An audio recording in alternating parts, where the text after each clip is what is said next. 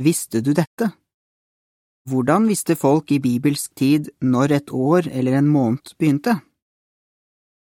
Da israelittene bodde i det lovte land, begynte jordbruksåret, det verdslige året, med at man pløyde og sådde, og det gjorde man på den tiden som nå tilsvarer september–oktober. Lengden på en måned ble beregnet ut fra hvor lang tid månen bruker på et omløp rundt jorden, og lengden på et år ble beregnet ut fra hvor lang tid jorden bruker på en runde rundt solen. Men en månekalender på tolv måneder på 29 eller 30 dager hver, resulterer i et år som er kortere enn et solår. Man måtte derfor gjøre noe for å få disse to måtene å beregne tiden på til å stemme overens. Det kunne man gjøre enten ved å skyte inn ekstra dager eller ved å føye til en ekstra måned med bestemte mellomrom, kanskje før et nytt år begynte.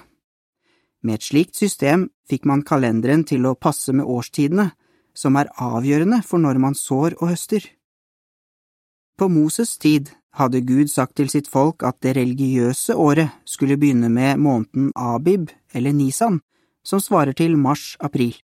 I den måneden ble det holdt en høytid som hadde med bygghøsten å gjøre. Man hadde en veldig enkel regel for å avgjøre om det skulle skytes inn en ekstra måned, skrev historikeren Emil Schürer i boken The History of the Jewish People in the Age of Jesus Christ, 175 BC to AD 135. Påsken som skulle feires ved fullmåne i måneden Nisan, 14. Nisan, måtte alltid holdes etter vårjevndøgn, så hvis man mot slutten av året oppdaget at påsken ville falle før vårjevndøgn, bestemte man seg for å skyte inn en trettende måned før Nisan. Jehovas vitner tar hensyn til denne regelen når de skal finne datoen for Herrens kveldsmåltid, som holdes om våren på den dagen som svarer til 14. nisan i den hebraiske kalenderen. Menighetene over hele jorden får vite om datoen i god tid. Men hvordan visste israelittene når en måned sluttet og en ny begynte? I dag sjekker vi bare en kalender eller en app på mobilen, men så enkelt var det ikke i bibelsk tid. På Noas tid besto en måned av 30 dager, men i den kalenderen israelittene brukte senere, var det ikke 30 dager i alle månedene. Måneden begynte når man kunne se den første tynne kanten av nymånen. Det kunne man 29 eller 30 dager etter at den forrige måneden hadde begynt. Både David og Jonathan omtalte en gang starten på en ny måned ved å si I morgen er det nymåne. Første Samuels bok 20, 5 og 18. Det ser altså ut til at man på den tiden, tusentallet før vår tidsregning, regnet ut på forhånd når en måned skulle begynne. Men hvordan kunne en vanlig israelitt vite om dette? Mishna, en samling av jødenes muntlige lover og tradisjoner, kaster lys over hvordan det foregikk i tiden etter at jødene hadde kommet tilbake fra eksilet i Babylon. Den forteller at Sanedrine, jødenes høyeste domstol, hadde med dette å gjøre. I sju av årets måneder kom domstolen sammen på den trettiende dagen i måneden. Medlemmene hadde ansvaret for å avgjøre når den neste måneden begynte.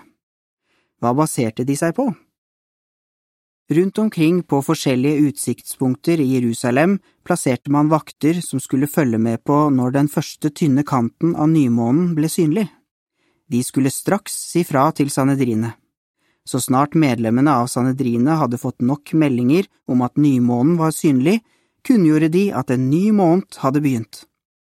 Men hva om det var overskyet eller tåke og vaktene ikke kunne se nymånen? Da bestemte man at den måneden man var i, hadde 30 dager, og at den nye måneden begynte dagen etter.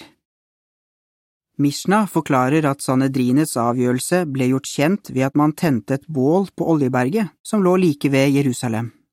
For å spre nyheten tente man også bål på andre høytliggende steder rundt omkring i Israel.